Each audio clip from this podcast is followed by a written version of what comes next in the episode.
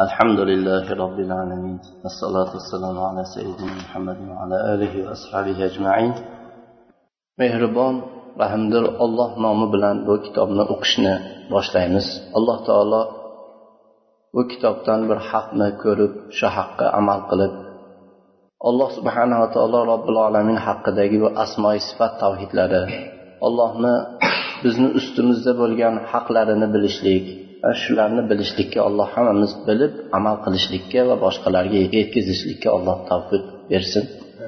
Va bu amallarda alloh taolo hammamizga ham sabr bersin sabr qilib uni o'zlashtirishga alloh taolo sabr bersin. Va bizni payg'ambarimiz muhammad sallallohu alayhi vasallamga allohni salovati salomi bo'lsin.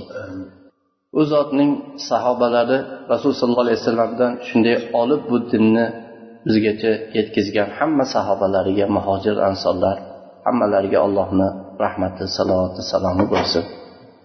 Rasululloh sollallohu alayhi vasallamni oila ahllariga salovat salomlar bo'lsin. Bu kitob aqidatul vositiya deb nomlangan kitob.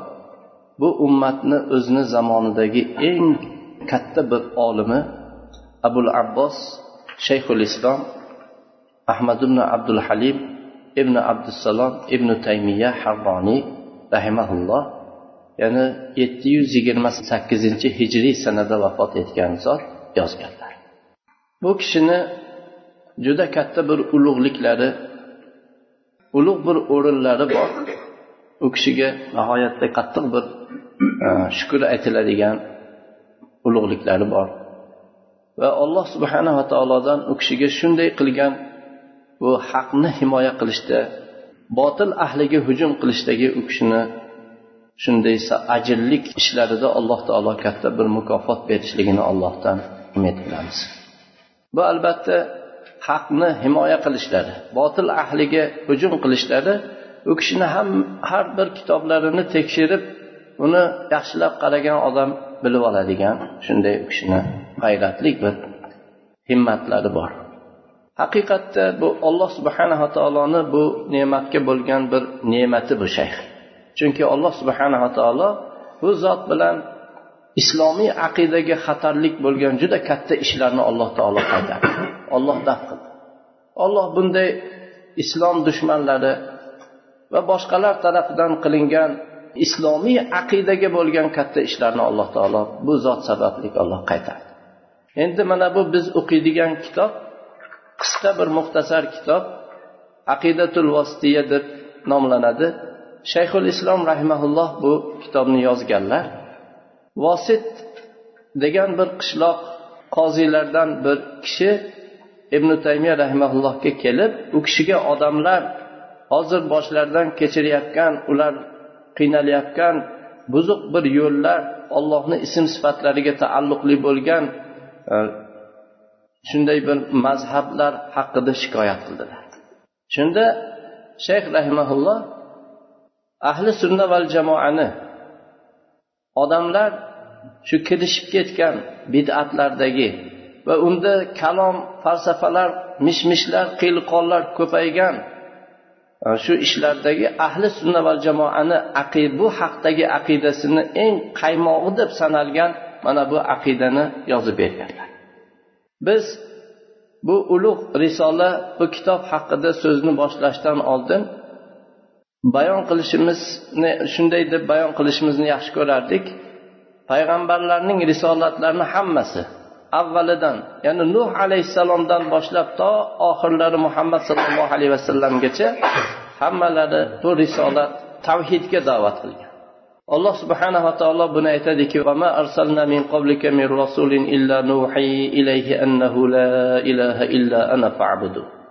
bu hujjati. Ya'ni butun payg'ambarlar tavhidga da'vat qilganliklari bu qur'onda mana ambiyo surasida yigirma beshinchi oyatda olloh bayon qilyapti. Sizdan oldin ham qaysi payg'ambarni biz yuborgan bo'lsak ollohdan boshqa haq ma'bud yo'q deb unga vahiy qilganmiz. Ya'ni mendan boshqa ibodatga haqli bo'lgan haq ma'bud yo'q mengagina ibodat qilinglar deb vahiy qilganmiz deydi. Yana olloh boshqa surada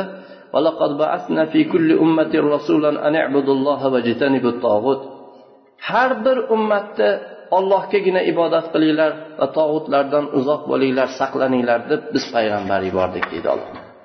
Ya'ni payg'ambarlarni hammalari avvallaridan to oxirlarigacha bo'lgan zotlarni da'vatlari shu tavhidga bo'lgan o'zi buning sababi xalq. Xalq maxluqotlar hammasi bir zot uchun yaratilganlar. Bu olloh subhanava taolo. Ya'ni bu ollohni ibodati uchun yaratilganlar. Qalblari ollohga talpinib ollohni ulug'lab ollohdan qo'rqib ollohdan umidvor bo'lib tavakkul qilib rag'bat qilib u ollohdan qo'rqib qalblari bog'lanishlik uchun shu ollohni ibodatiga yaratilganlar. Hatto dunyoda dunyodan chiqar ekanlar ya'ni dunyoni hammasidan ular tamoman xoli bo'ladi ularga bunda alloh taoloni tavhidida mana mana bu ishlarda ularga yordamchi bo'ladigan dunyodagi har bir narsadan bu ishda ular yaratilgan shu hadafda alloh taoloni tavhidida ularga yordamchi bo'lmaydigan dunyoning hammasidan ketishlik hatto kechdilar. Chunki siz ham bir maxluqsiz. Siz ham xoliqingiz uchun bo'lishligingiz qalbdayu qolibda har bir narsada olloh uchun bo'lishligingiz lozim. Ya'ni bu dunyoda bu tavhidga bizni hadafimiz bo'lgan bu ollohni ibodati uchungina yaratilgan ekanmiz. Bunga bizga yordamchi bo'lmaydigan yoki bundan to'sadigan ishlarni hammasidan tamoman biz bundan kechishligimiz uchun mana shunday yuqorida aytilgan sifatda turib allohga ibodat qilishlikka yaratilganmiz. Shuning uchun payg'ambarlar alayhissalotlar alayhissalot vassalomlarning da'vatlari mana shunday katta muhim bir ishga da'vat qilganlar. Ana alloh taoloni yolg'iz sheriksiz tanho o'zini ibodatiga alloh subhanava taolo butun insoniyatga yuborgan payg'ambarlar ular rububiyat xuddi ulug'iyat tavhidiga da'vat qilganlari kabi rububiyat tavhidiga da'vat qilmaganlar. Sababi rububiyat tavhidini inkor qiladiganlar juda ozdir. Hatto inkor qiladiganlarni ich ich ichlarida ular uni inkor qilishlikka ich ichlaridan qodir bo'lolmaydi hatto fir'avn o'zini ana robbukumul ala degan fir'avn ham o'zini robmasligini robbil olaminni yaxshi biladi. Alloh subhanava taologina rob ekanligini yaxshi biladi. Ya'ni rububiyatda makka mushriklari ham hammasi ollohni rububiyatiga iqror edi shunga payg'ambarlarning da'vatlari bu aksar da'vatlari ulug'iyat tavhidda bo'lgan.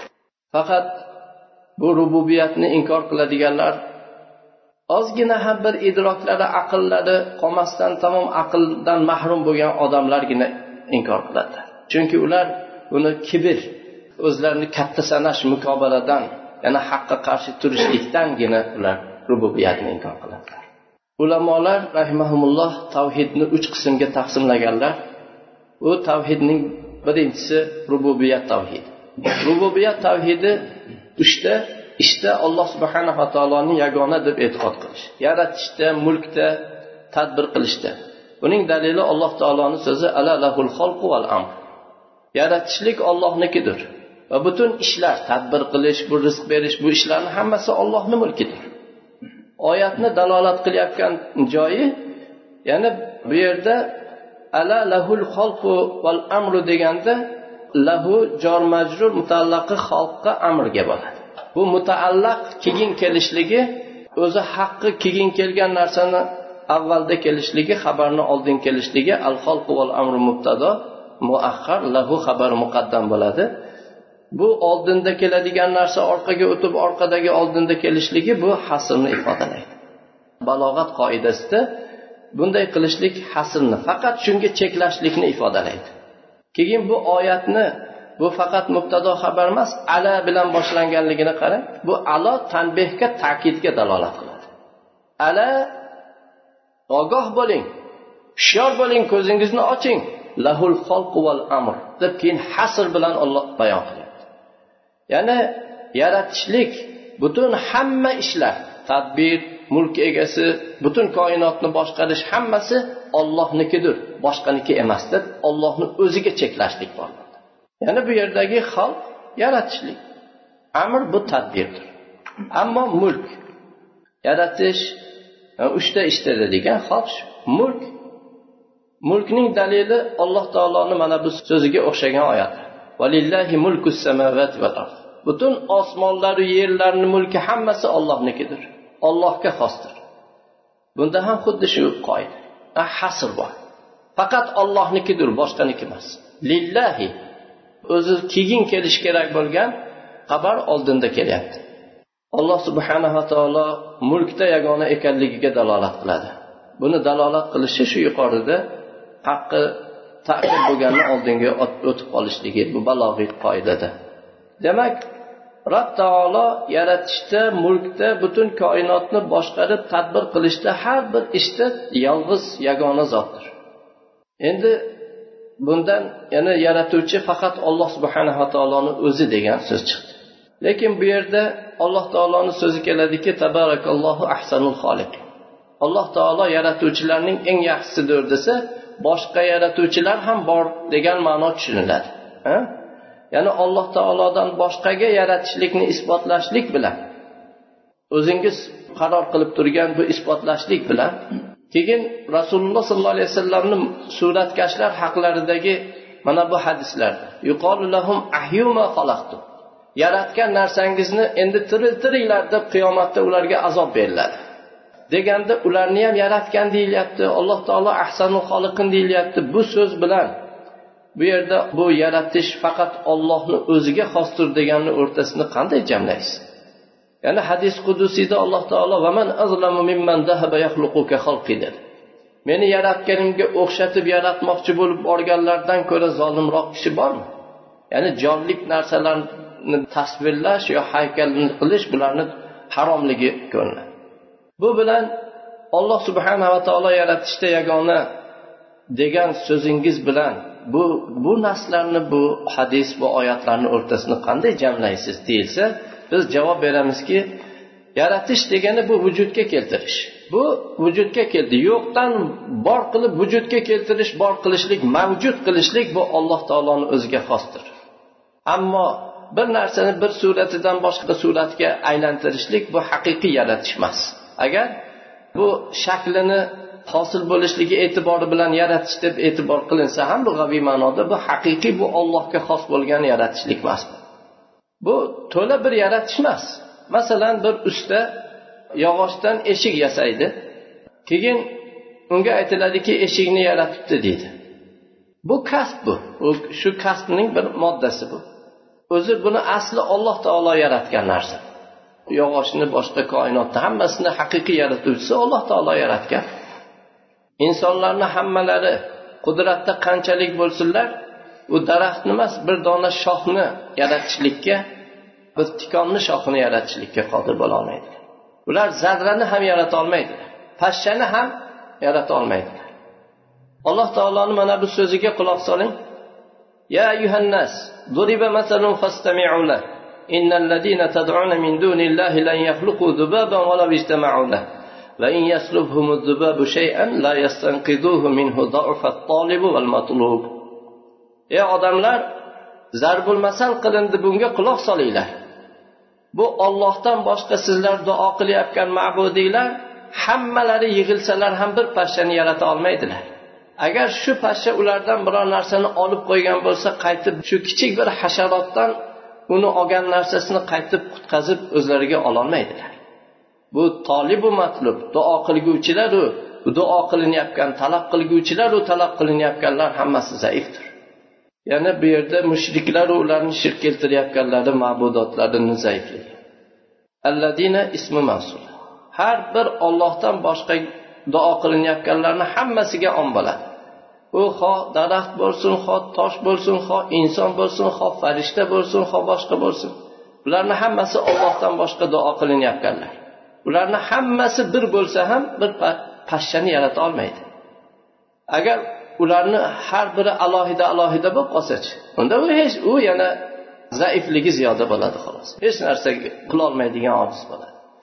Agar shu pashsha ulardan biror narsani olib qo'ysa qaytib qutqaza olmaydi. Yana ey mushriklar sizlar ollohni qo'yib duo qilayotganlar ma'budiylar shu zaif hasharot undan bir narsani olib qo'ysa qaytib bu zaif pashshadan uni qutqazib olishlikka qodir bo'lolmaydi. Ularni yana yer yuzidagi eng kuchli bir podshohni podshohni ustiga bir pashsha qo'nsa yana uni shu shirinliklaridan bu pashsha so'rib olsa bu podshoh bu xushbo'yligini yoki bu shirin narsasini uni ichidan qaytib qutqaza olmaydi.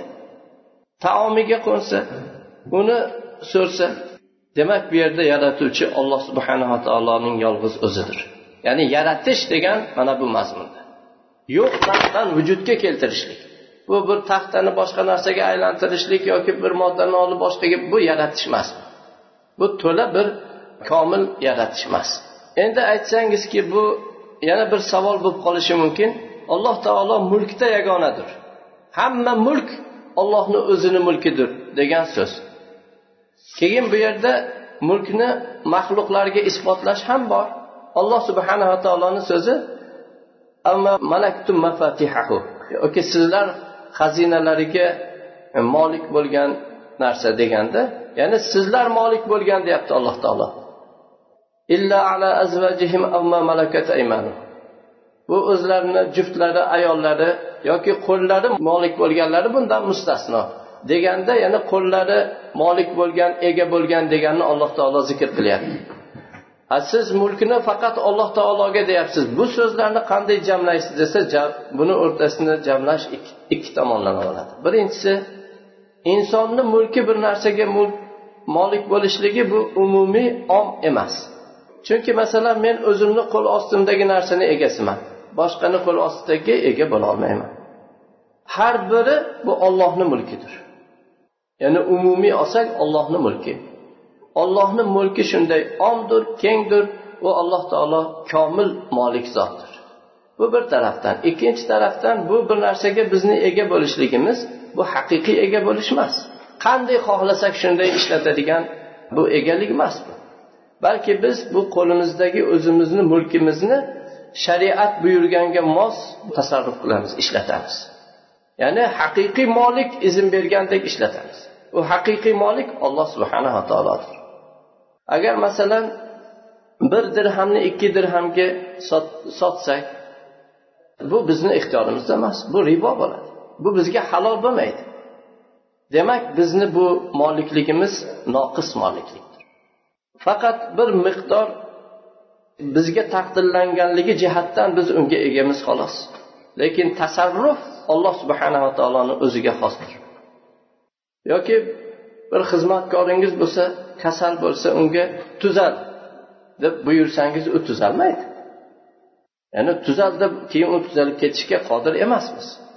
Yoki sog'lom baquvvat turganga sen kasal bo'l desa keyin u kasal bo'ladigan qudratda emasmiz. Lekin haqiqiy tasarruf alloh subhanava taoloni qo'lidir. Agar alloh taolo tuzal desa tuzaladi kasal bo'l desa kasal bo'ladi. Demak mutlaq tasarruf shar'an ham qadran ham hech qanday bir tasarrufga ega emasmiz. Bu yerdagi bizni molikligimiz e, tasarruf jihatdan juda noqis moliklikdir omligi jihatidan. Mana bundan alloh subhanava taolo mulkda qanday yagona ekanligi bizga ma'lum bo'ldi.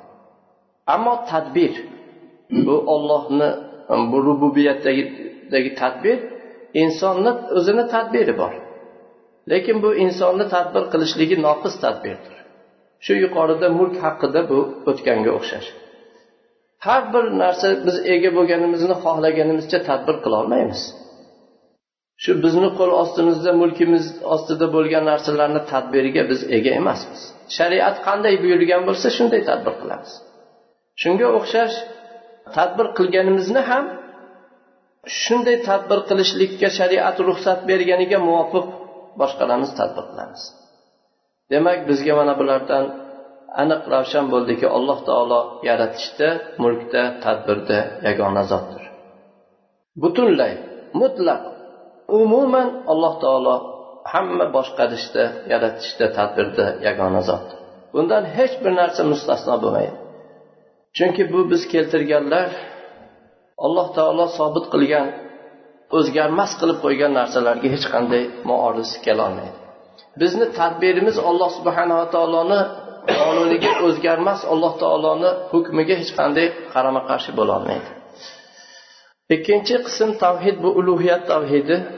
Yuqorida o'tdiki payg'ambarlarning da'vatlari ulug'iyatda asosan ulug'iyat tavhidida bo'lgan. Ulug'iyat tavhidida bo'lganga o'xshash rububiyat tavhidida bo'lmagan ularni da'vatlari chunki rububiyat tavhidini bu makka mushriklari ham bunga iqror edilar. Rububiyat tavhidini faqat kibr qilgan kibridan jaholatidan inkor qilganlar inkor qilishgan. Ikkinchi qism ulug'iyat tavhidi bu olloh subhanava taoloni ibodatda yagona deb e'tiqod qilib qilinadigan ibodatlarni yolg'iz alloh taoloni o'ziga qilishlik. Ya'ni ollohdan boshqaga banda bo'lmaslik bilan. Farishtaga ham ibodat qilib bo'lmaydi payg'ambarga ham valiga ham shayxga ham ota onaga ham. Faqat olloh subhanava taoloni yolg'iz o'ziga tanho ollohga ibodat qilishlik. Alloh taoloni yolg'iz o'zini sig'inib ibodat qilib unga talpinib yagona deb bilishlik. Shuning uchun bu ulug'iyat tavhidi deb nomlanadi va yana ibodat tavhidi deb nomlanadi. Yana bu olloh subhanava taologa nisbatlaydigan bo'lsak bu ulug'iyat tavhidi bo'ladi. Ollohni haqqi bo'lgan ulug'iyatini ollohni yolg'iz o'ziga qilishlik. Agar bandalarga bu bandani ibodati deb aytadigan bo'lsak unda ibodat tavhidi bo'ladi. Ibodat tavhidini tavhidi ya'ni ibodatni yolg'iz ollohga qilishlik. Ibodat ikkita buyuk ishga asoslanadi muhabbat va ta'zimga. Shu muhabbatdan ta'zimdan. Unga yaxshi ko'rib uni ulug'lab shundan kelib chiqadigan narsa ibodat bo'ladi. Alloh taolo buni qur'onda shunday bayon qiladi. Innahum kanu yusari'una fil khayrat va yad'unana raghaban va rahaba. U mo'minlar yaxshiliklarga shunday shoshilar edilar va bizga rag'bat qilib bizdan qo'rq. Ya'ni umid qilib alloh subhanava taologa muhabbat qilib va qo'rqib ollohni ulug'lab duo qiladilar. Muhabbat bu rag'bat bo'ladi. Ta'zim bilan qo'rquv alloh subhanava taolodan taqvo qilishlik bo'ladi. Shuning uchun ibodat bu buyruqlar bo'ladi nahiylar bo'ladi. Buyruqlar insonni muhabbati rag'bati xohishi uni xohlab qiladigan ishlar va buyuruvchiga yetishlikni talab qilishlikdir. Qaytargan narsalar bo'lsa bu ollohni ulug'lash ollohdan qo'rqish mana shunday buyuk zotdan qo'rqib bu qaytargan narsalardan o'zimizni tiyishlik. Agar alloh taoloni yaxshi ko'rsangiz ollohni huzuridagi narsaga rag'bat qilasiz. U ollohga yetishlikka rag'bat qilasiz. U ollohga yetkazuvchi yo'lni talab qilasiz. Va alloh taoloni toatini komil bir suratda shaklda ado et bajarasiz. Agar ollohni ulug'lasangiz ollohni nihoyatda ulug' qodir har bir ishga qodir deb ulug'lasangiz u ollohdan qo'rqasiz.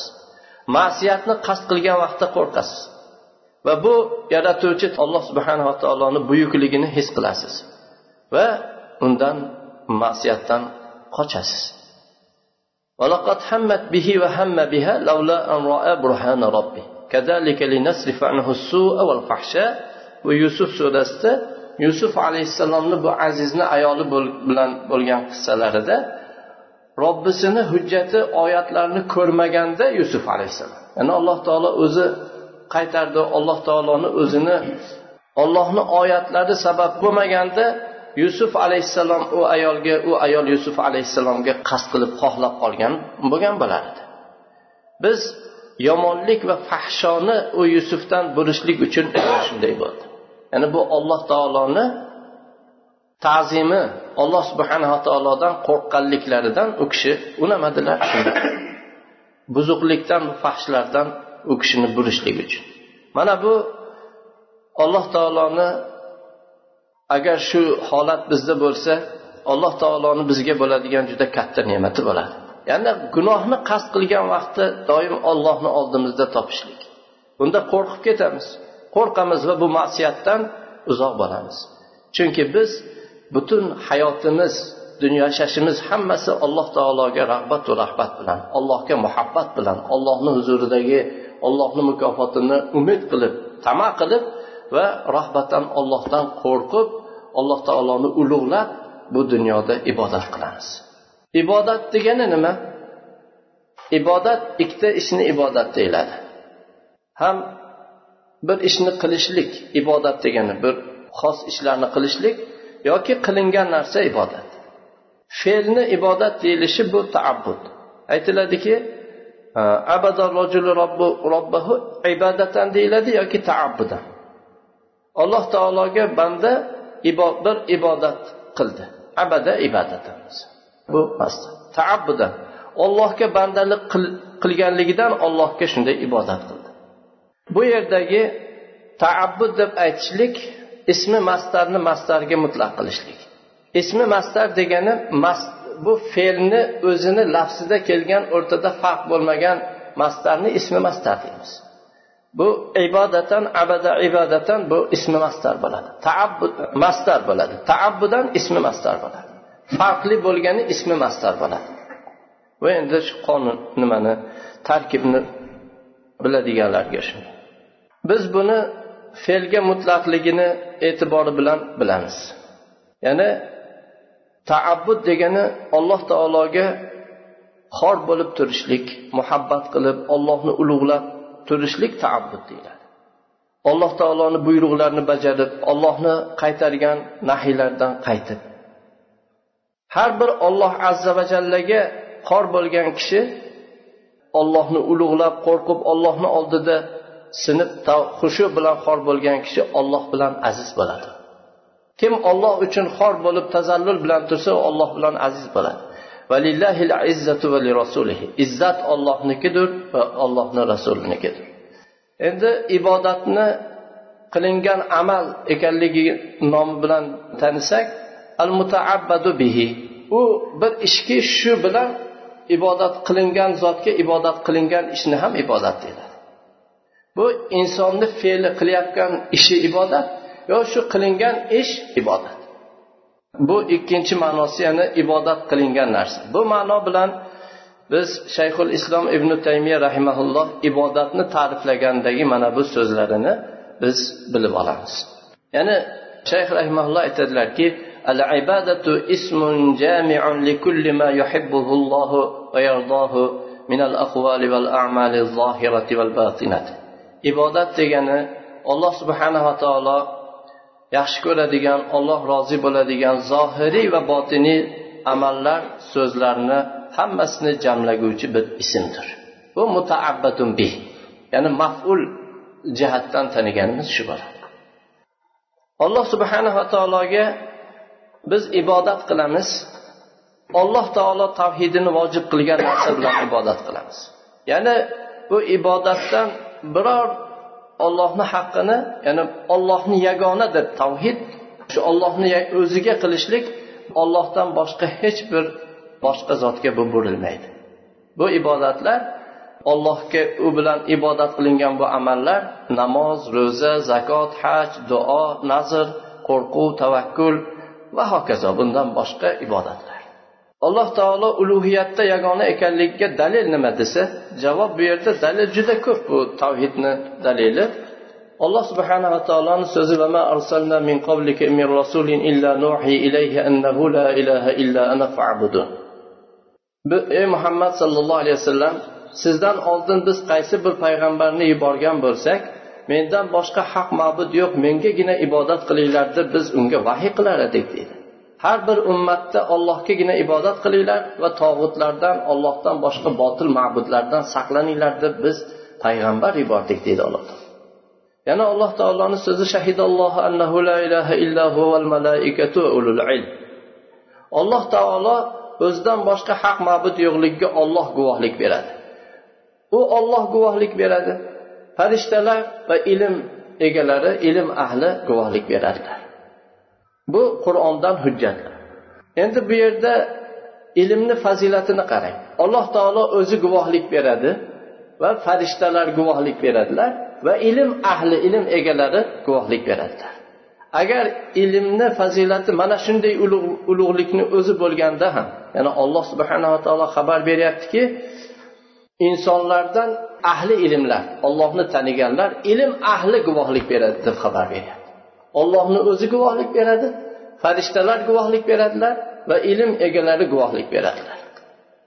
Qarang bu ilmni ulug'ligini. Alloh taolo bizlarni ham shu ulul ilmdan qilishligini ollohdan so'raymiz.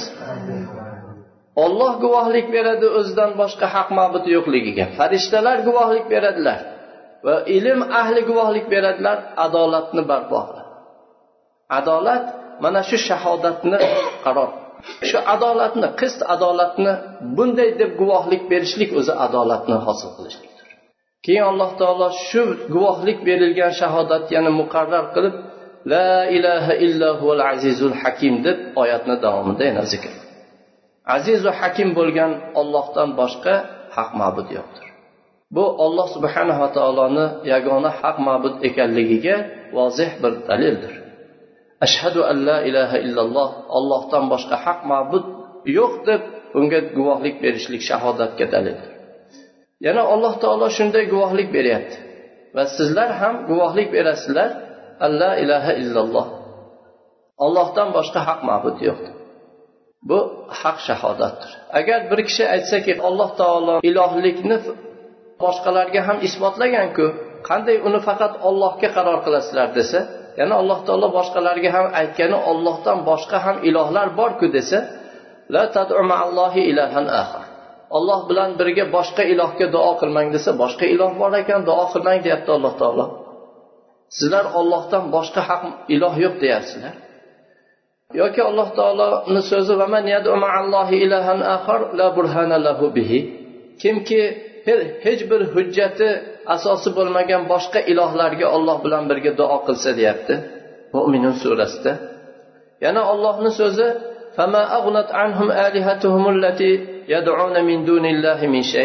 ollohdan boshqa ular duo qilayotgan olihalari hech bir narsani ulardan behojat qilolmadi degan so'z. Yoki ibrohim alayhissalomni mana bu olloh hikoya qilgan ollohni so'zidagi so'zlari aifkan alihatan dunallohi turidun ollohdan boshqa bu bo'xton bo'lgan olihalarni xohlaysizlarmi deganda olihalar deyilyaptiku bu yerda bundan boshqa oyatlar bor bu bilan va ollohdan boshqa iloh yo'q haq ma'bud yo'q degan shahodatni o'rtasini qanday jamlaymiz javobi bu olloh subhanava taolodan boshqa ulug'iyatlar hammasi botildir botil ulug'iyatdir ular faqat nomni o'zi in hiya illa asmaun sammaytumuha antum va abaukum ma anzalallohu biha min sulton ular bir faqat nom hech bir asli haqiqati bo'lmagan nomlar xolos ular. Alloh taolo hech qanday bir oyat yoki bir hujjat unga nozil qilmagan sizlar va sizlarni ey mushriklar ota bobolaringiz nomlab olgan nomdan boshqa narsa emas. Bularni ulug'iyati botildir. Agar u ibodat qilinsa unga talpinib shu iloh qilinadigan zalolatdagi kishilar unga ibodat qilsa ham bu botildir. U ibodat qilinishlikka loyiq emasdir. Ya'ni fahiya alihatu ma'bud. Ular to'g'ri boshqa shu zalolatdagilar ibodat qilayotgan bo'lsa ibodat qilinayotgan ma'lum olihadir ular. Lekin ular botil olihadir. Nohaq botil fasod olihadir. Chunki alloh taologina haqdir va ollohdan boshqa duo qilayotgan ma'budlari hammasi botildir. Mana bu ikki turdagi tavhid.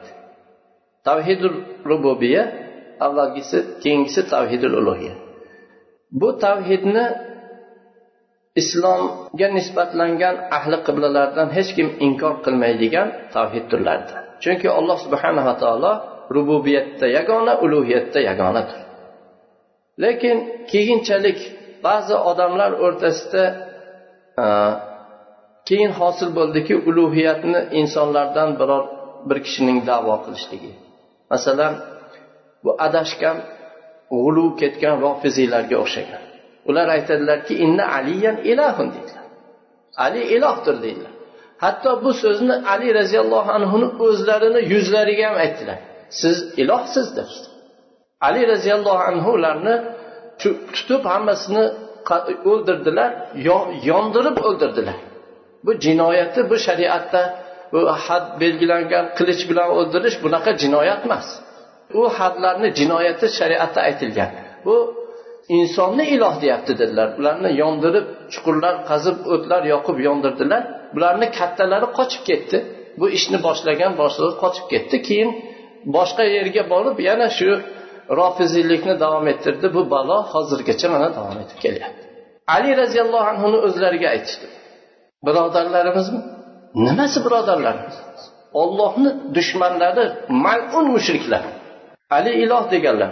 Ularni boshliqlari abdulloh ibn saba edi. Ya'ni musulmonlar ichida fitna kiritib turib musulmonlarni parcha parcha qilishlik uchun ichiga kirgan yahudiy edi bu. Ali ibn abi tolib roziyallohu anhuni o'zlariga kelib bu aytdiki antallohu haqqan. Siz haqiqatdan siz olloh ekansiz dedi.